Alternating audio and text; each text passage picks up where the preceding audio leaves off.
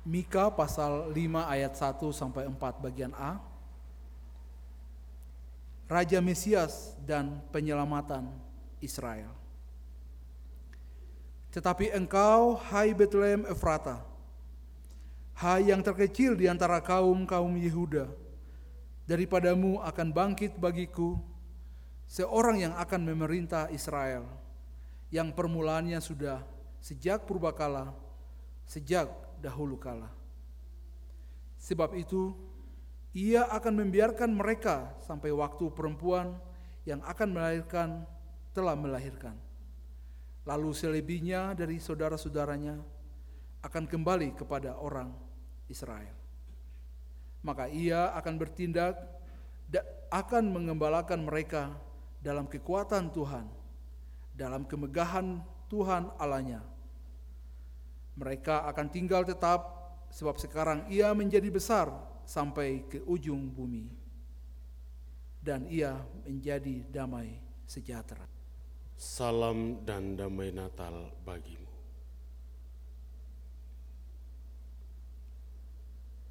Mika pasal 5 ayat 1 hingga ayatnya yang keempat bagian A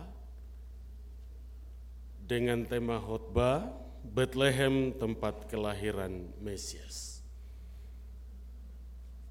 Kali ini kita mau diajak untuk melihat dan memahami latar belakang dari nubuat Nabi Mika.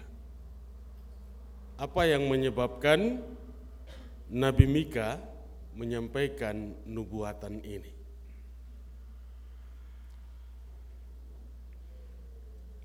Arti nama Mika sendiri dari dalam bahasa Ibrani yaitu siapakah yang sama dengan Tuhan. Nabi Mika berkarya pada abad ke-8 sebelum Masehi. Abad ke-8 sebelum Kristus. Nabi Mika bekerja sesaman dengan Nabi Amos, Nabi Hosea, dan Nabi Yesaya. Dan Nabi Mika adalah murid dari Yesaya. Nabi Mika adalah nabi pertama yang dengan lantang dan berani memberitakan bahwa Yerusalem dan Bait Allah akan dihancurkan. Pemberitaan mengenai keadilan sosial yang disuarakan oleh Nabi Amos juga mempengaruhi pemberitaan dari Nabi Mika. Sebab ia melihat bahwa tindakan korupsi sudah merajalela. Tindakan korupsi merajalela dalam kehidupan bangsa Israel. Baik Samaria di Israel Utara dan juga Yehuda di Yerusalem di Israel Selatan. Yang terutama dilakukan oleh para pemimpin-pemimpin keagamaan. Ada banyak tuan tanah yang menindas orang-orang miskin. Penyelewengan hukum. Hukum itu diputuskan hanya karena adanya suap. Yang juga dipraktekkan oleh para penegak hukum di zaman kita saat ini. Ada uang, Anda menang. Tidak ada uang, walaupun Anda benar, masuk penjara. Sama peristiwa itu sudah terjadi abad ke-8 sebelum Masehi. Hanya pengulangan saja yang terjadi. Dari sekian banyak, hanya satu dua orang yang bekerja dengan baik dan jujur. Para imam memberi pengajaran karena bayaran dibayar dulu baru mau mengajar. dan ritual peribadatan yang dilaksanakan tidak dilakukan dengan sungguh-sungguh. Ibadah bagi mereka merupakan seremonial saja. Ketentuan dari Allah bahwa masuk menghadap Allah dalam ibadah dan penyembahan di dalam kekudusan. Tapi bagi mereka, ibadah hanya bersifat seremonial. Dan ketika mereka masuk dan menempati tanah Kanaan, mereka juga terlibat di dalam penyembahan kepada dewa-dewa orang-orang Kanaan. Pewartaan Nabi Mika merupakan keluhan terhadap para penguasa dan para pemimpin yang menindas dan mengabaikan orang-orang miskin dan orang-orang yang termarginalkan dalam kelompok sosial masyarakat. Ia juga menegur dan memperingatkan orang-orang yang merampas hak dan harta orang lain. Baik itu tanahnya, baik itu rumahnya, baik itu pasangan hidupnya, baik itu ladangnya, ataupun upahnya.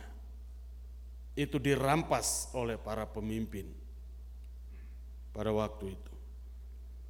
Yeremia menegur Mika menegur dan memperingatkan bahwa Tuhan telah merancangkan hukuman yang dahsyat bagi mereka.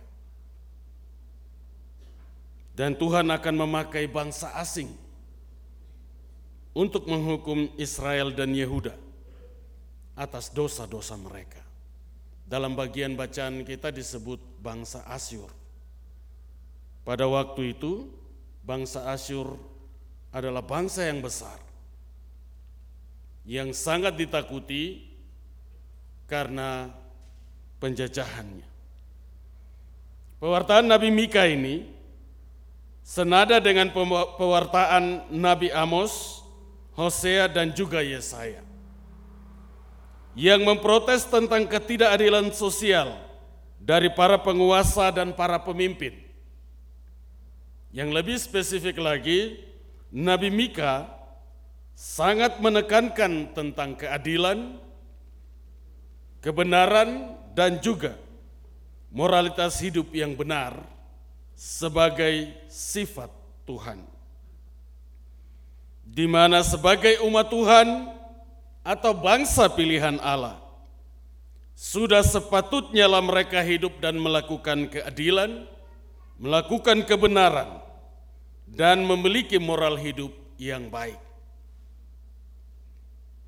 Sebagai umat pilihan, maka Israel dan Yehuda seharusnya beribadah hanya kepada Tuhan dan tidak mudah dipengaruhi oleh cara hidup dan cara beribadah orang-orang Kanaan yang suka menyembah berhala. Artinya orang-orang pilihan Allah harus berbeda sikap dan perilaku hidupnya dari orang kebanyakan.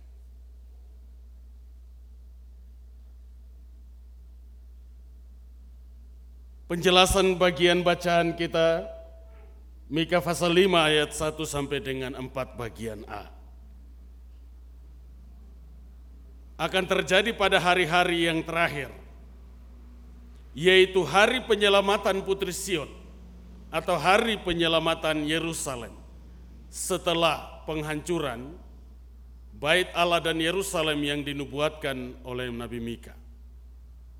Ketika bangsa ini hilang pengharapan, bangsa ini sudah diambang keputusasaan dan kekecewaan yang mendapat penghukuman karena dosa-dosa mereka pada saat hari-hari terakhir itu,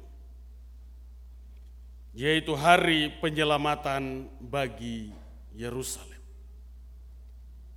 Artinya, hari di mana Tuhan akan menjadikan Sion sebagai pusat kerajaan damai.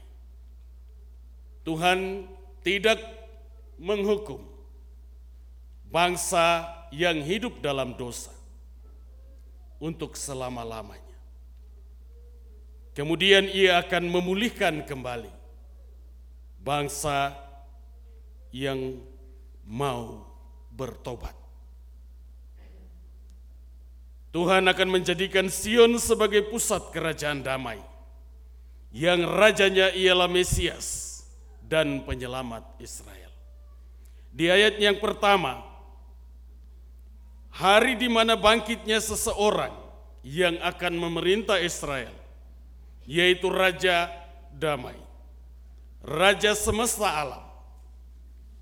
Ia sudah ada sejak semula, sejak langit dan bumi ini diciptakan. Mika kembali mau menegaskan bahwa Mesias sudah ada sejak langit dan bumi ini diciptakan. Ia akan datang di Bethlehem Efrata, di tempat asalnya kaum keturunan Yehuda. Nubuat Nabi Mika menjelaskan juga kepada kita saat ini bahwa Bethlehem kota kecil itu sesungguhnya telah ada dalam rancangan Tuhan Hal ini dibuktikan dengan beberapa peristiwa dan tokoh-tokoh yang dikisahkan di dalam catatan-catatan Alkitab.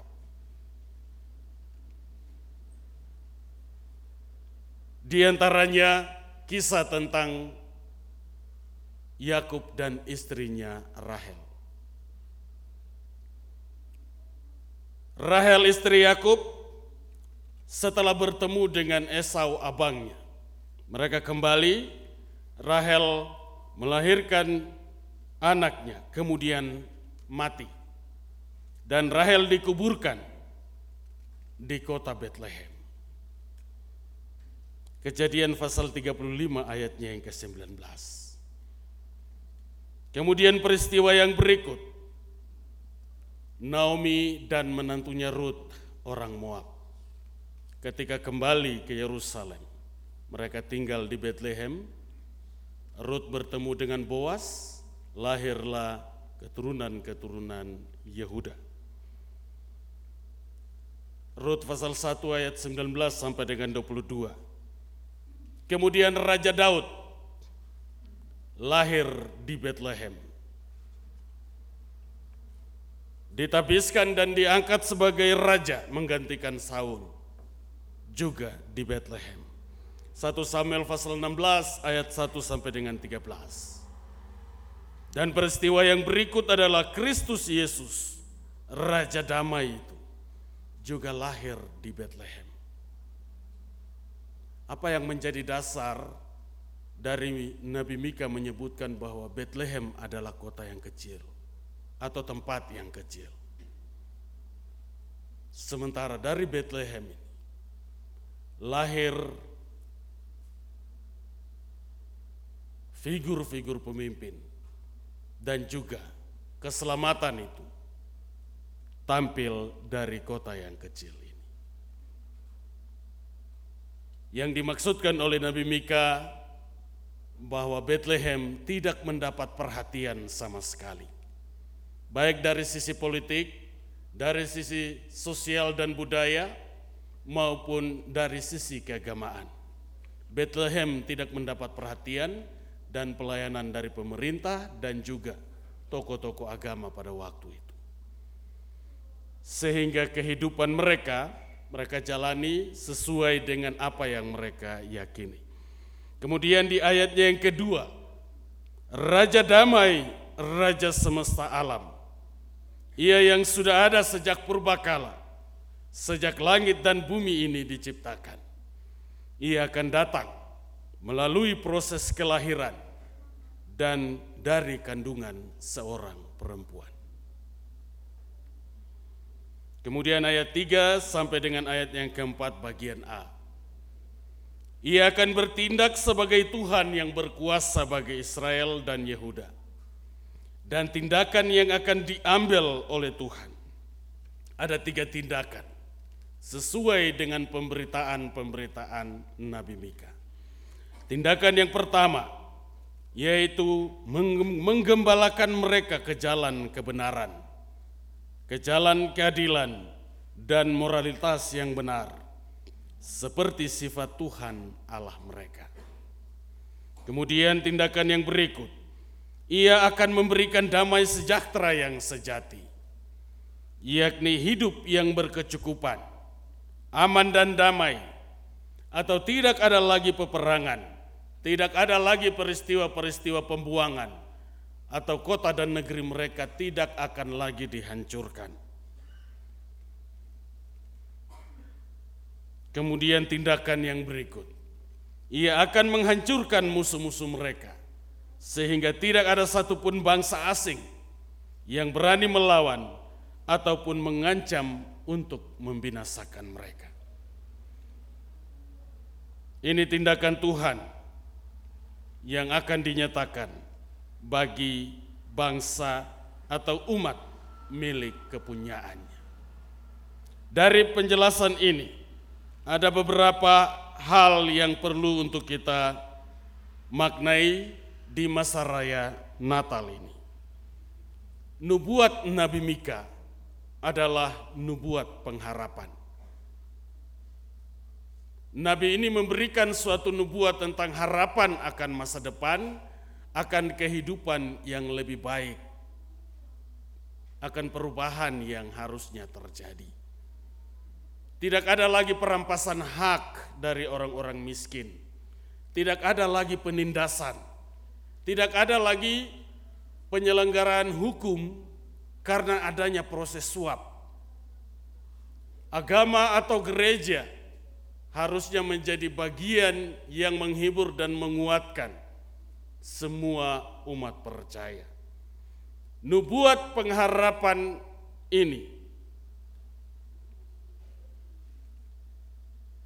oleh Nabi Mika diberikan kepada baik bangsa Israel ataupun bangsa Yehuda. Nubuat pengharapan Nabi Mika tentang kedatangan Mesias Raja Damai dan penyelamatan Israel dan Yehuda dari tindakan dan cara hidup yang tidak berkeadilan. Peristiwa ini, jemaat Tuhan telah tergenapi dua ribuan tahun yang silam. Nubuatan pengharapan Mika ini telah digenapi. Dalam kekuatan Tuhan dan dalam kemegahan nama Tuhan Allah. Mesias Raja Damai dan Sang Penyelamat itu datang dan lahir melalui rahim seorang perempuan menjadi manusia dan hidup seperti seorang manusia di antara para manusia. Di kota kecil, kota tempat asal kaum keturunan Yehuda, yakni Bethlehem Efrata. Dan dari sana, ia berkarya mendamaikan manusia dengan Allah, mendamaikan manusia dengan sesamanya, melindungi dan memberkati, serta menyelamatkan manusia dari kebinasaan kekal melalui kematiannya. Saudara-saudara sekalian, jikalau sepanjang tahun 2022 ini kita sebagai orang-orang percaya juga hidup menyaksikan, mengalami ataupun kita berbuat ketidakadilan bagi orang-orang kekasih kita, bagi sesama kita. Maka ingatlah, Yesus Kristus melalui kelahiran dan karyanya mau menegur dan mengingatkan kita untuk merubah cara hidup dan cara berpikir kita. Kemudian menjalani hidup sesuai dengan sifat-sifat Sang Ilahi menjadi contoh dan teladan Kristus, bahasa sederhananya.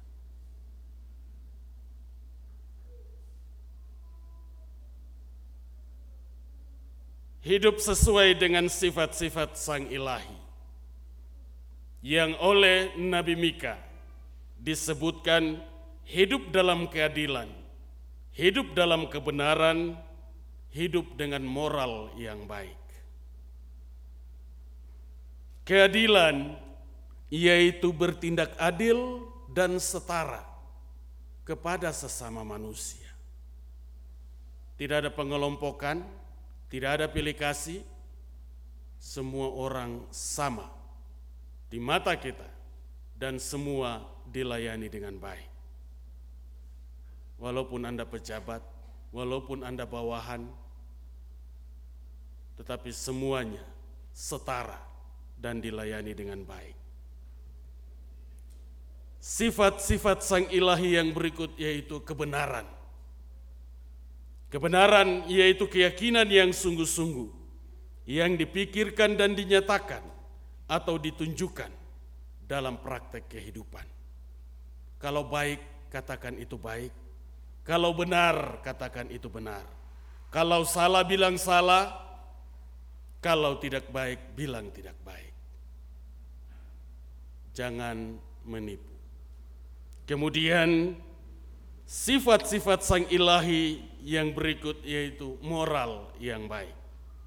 Moral yang baik yaitu praktek dan cara hidup yang benar seperti yang dikehendaki oleh Allah.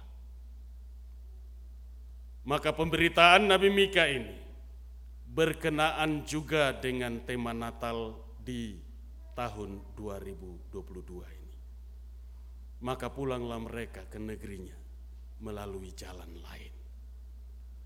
Maka jemaat Tuhan, masukilah hari hidupmu, rayakanlah Natal dengan sukacita. Kemudian songsong tahun 2023 dengan perubahan perilaku dan cara hidup. Jadilah berkat dalam kehidupan keluarga dan rumah tanggamu, di lingkungan sosialmu, di tempat kerjamu, di mana pun Anda berada. Jikalau kita sudah menjalani hidup sesuai dengan sifat-sifat Sang Ilahi, yaitu Yesus Kristus, maka Mesias akan lahir dalam hatimu dan merajai hidupmu, sehingga damai sejahtera itu menjadi warisan kehidupan, keluarga dan rumah tanggamu, dan juga pekerjaan-pekerjaan.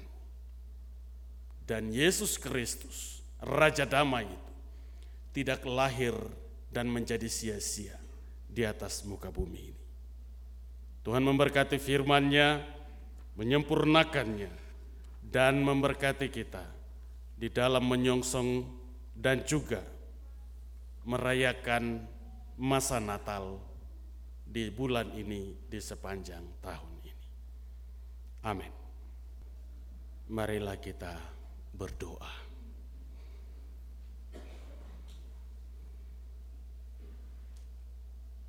Ya Bapa di dalam kerajaan sorga, Allah yang kami puji dan kami permuliakan di dalam nama putra tunggalmu Yesus Kristus.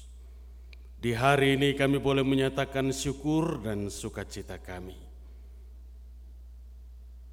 Bahwa dua ribu tahun yang lampau, Tuhan datang ke dalam dunia melalui seorang bayi kudus, lahir dari rahim seorang perempuan, membawa kasih karunia, membawa damai dan sejahtera, mendamaikan manusia dengan Allah, memperdamaikan hubungan antara sesama manusia. Kami boleh belajar dari kebenaran firman yang menjadi berita pengharapan dari nubuatan Nabi Mika tentang cara hidup setiap orang percaya, orang-orang milik kepunyaan Allah, yaitu hidup dalam keadilan, hidup dalam kebenaran dan moralitas yang benar-benar, sebagai sifat-sifat Sang Ilahi dalam praktek dan cara kehidupan kami. Bapa di surga, demikianlah kekhawatiran, demikianlah perilaku dan cara hidup yang ditegur dan diingatkan oleh hamba-hambamu dua ribuan tahun yang lampau. Kemudian Yesus Kristus hadir dan mendamaikan dan memperbaiki perilaku dan cara hidup umat milik kepunyaan. Kami di zaman ini dan di sepanjang segala zaman, di mana-mana tempat di atas muka bumi ini. Peristiwa Natal adalah peristiwa sukacita. Peristiwa Natal bagi kami bukan lagi suatu euforia, bukan lagi suatu kisah seremonial, tapi peristiwa Natal adalah peristiwa sukacita bagi kami. Karena Tuhan berkenan turun ke dalam kenyataan kehidupan manusia di atas muka bumi ini. Hidup bersama-sama dengan manusia, hidup seperti manusia, dan juga menyelamatkan kami manusia. Di masa Natal ini, kami bersuka cita, kami berbahagia, karena di dalam keterpurukan, di dalam kelemahan dan keterbatasan kami, Tuhan datang menyatakan kemahakuasaan, memulihkan dan mengangkat kami untuk hidup dengan layak di atas muka bumi ini, menerima sukacita dan damai sejahteramu. Bapa di sorga, selanjutnya kehidupan kami, tuntun dan arahkan kami sesuai dengan kebenaran firman-Mu, agar kami boleh hidup dalam keadilan, kami boleh hidup dan mempraktekkan kebenaran, kami boleh hidup dengan moral, moral yang baik dan benar. Kami boleh menjadi contoh dan teladan Kristus dalam kenyataan hidup kami, di dalam keluarga kami, di dalam rumah tangga kami, di tempat kerja kami, dalam lingkungan sosial di mana pun kami berada. Kami boleh menjadi contoh dan teladan Kristus itu. Kami boleh mewartakan Injil dan kebenaran Kristus melalui perilaku, sikap, tutur kata, dan tindakan-tindakan kami. Kemudian kami boleh menjadi berkat ataupun menghadirkan berkat-berkat Allah, damai sejahtera dan sukacita yang berasal dari Allah dalam kehidupan kami tiap-tiap hari. Tuhan tolong kami, Tuhan menyempurnakan firman ini, Tuhan memberkatinya, kemudian melengkapi kami dengan kasih karunia dan damai sejahtera untuk memasuki hari hidup di masa raya Natal di sepanjang bulan ini. Dan Tuhan mempersiapkan kami untuk hari hidup yang baru, cara berpikir yang baru, perilaku dan moralitas yang baru di tahun 2023. Upaya dan usaha kami sangat terbatas ya Tuhan, tapi kami yakin dan percaya Tuhan penolong kami akan memimpin dan menyertai kami dengan kasih dan kuasa nama Tuhan Allah. Sehingga kami boleh hidup dan melakukan segala sesuatu menurut kehendakmu. Terpujilah namamu ya Tuhan, firman yang hidup kekal sampai selama-lamanya. Bapa di dalam kerajaan surga, sebagai suatu persekutuan, kami datang dan memberikan segala sesuatu yang terbaik sebagai bentuk sukacita, sebagai bentuk ungkapan-ungkapan syukur kami. Kami datang dan memberikan apa yang kami miliki, yaitu persembahan-persembahan kami. Berbagai-bagai bentuk pemberian dan persembahan-persembahan kami ya Tuhan. Ada pribadi keluarga, yang membawa dan mempersembahkan sepersepuluh dari kehidupan dan kerjanya. Keluarga Alexiawan dan juga keluarga yang tidak menyebutkan namanya, yang memberi secara langsung ataupun melalui transfer. Tuhan sertai dan lindungi, pagari kehidupan keluarga dan rumah tangga ini, setiap keluar masuk mereka, dan biarlah berkat-berkat Tuhan mengalir memenuhi lumbung-lumbung kehidupan keluarga dan rumah tangga ini. Sehingga mereka boleh hidup dalam sukacita dan berkat yang melimpah. Kami berdoa menyampaikan ungkapan-ungkapan syukur setiap pribadi, keluarga, dan rumah tangga. Ungkapan syukur hari ulang tahun Barak 10 117. Ungkapan syukur Hari Raya Natal 25 Desember. Dan ungkapan syukur keluarga Roy Kepinontohan dan beberapa pribadi keluarga yang tidak menyebutkan namanya. Yang menyatakan syukur dan sukacitanya. Bapa di sorga, sempurnakan sukacita dan ungkapan syukur pribadi dan keluarga-keluarga ini. Sehingga mereka boleh hidup di dalam damai dan sejahtera bersama dengan berkat-berkat-Mu ya Tuhan.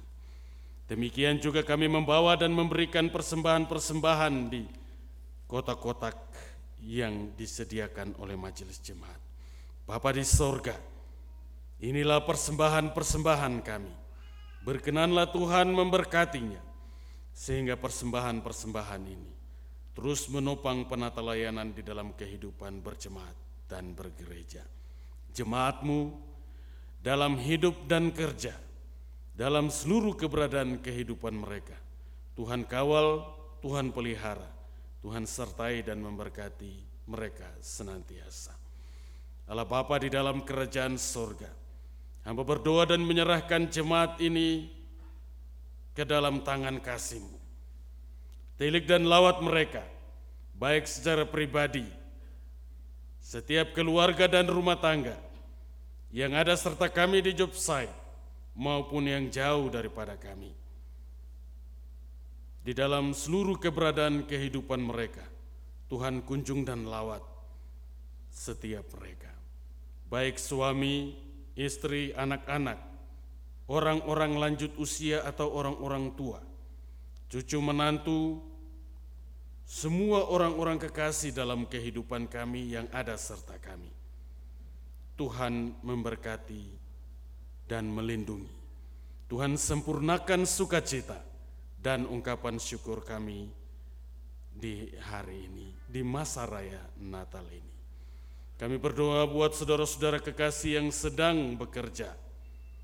Tuhan sertai dan lindungi agar mereka boleh melaksanakan tugas tanggung jawab dan pekerjaan mereka dengan baik dan selamat. Yang sedang menjalani masa-masa cuti mereka, Tuhan sertai dan lindungi.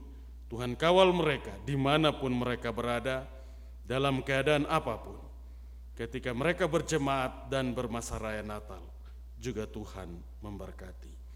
Allah Bapa di dalam kerajaan sorga, kami berdoa menyerahkan seluruh doa dan permohonan semua umatmu dari tempat duduk mereka masing-masing. Mereka yang berdoa untuk semua pergumulan kehidupan mereka. Kasihani mereka ya Tuhan. Dengarkan doa dan permohonan mereka. Dan Tuhan memberkati kehidupan mereka. Yang mengucap syukur atas peristiwa kehidupan. Tuhan memberkati dan menyempurnakannya. Allah Bapa di dalam kerajaan sorga, di masa raya Natal ini, ada juga sesama kami yang hidup dalam kekurangan, keterbatasan, kemalangan, sakit penyakit, dan juga sedang mengalami penderitaan karena bencana alam. Kami berdoa, kami minta Tuhan kunjung dan lawat mereka. Tuhan sertai dan Tuhan hibur mereka. Dan Tuhan memberkati mereka sekalian. Bapa di surga, di job site ini, di dalam tugas tanggung jawab kami, di dalam pekerjaan-pekerjaan kami apa pun yang menjadi tugas dan tanggung jawab kami, di mana pun kami bekerja, Tuhan sertai dan lindungi. Tuhan memberkati pekerjaan-pekerjaan kami. Tuhan memberkati kehidupan kami. Demi Kristus yang hidup, Tuhan dan Juru Selamat kami, Tuhan dan Kepala Gereja kami, kami berdoa kepada Yesus Kristus, Raja Damai, yang telah ada sejak purbakala kepada Allah Bapa di dalam kerajaan surga, Allah yang kekal, Allah yang esa. Amin.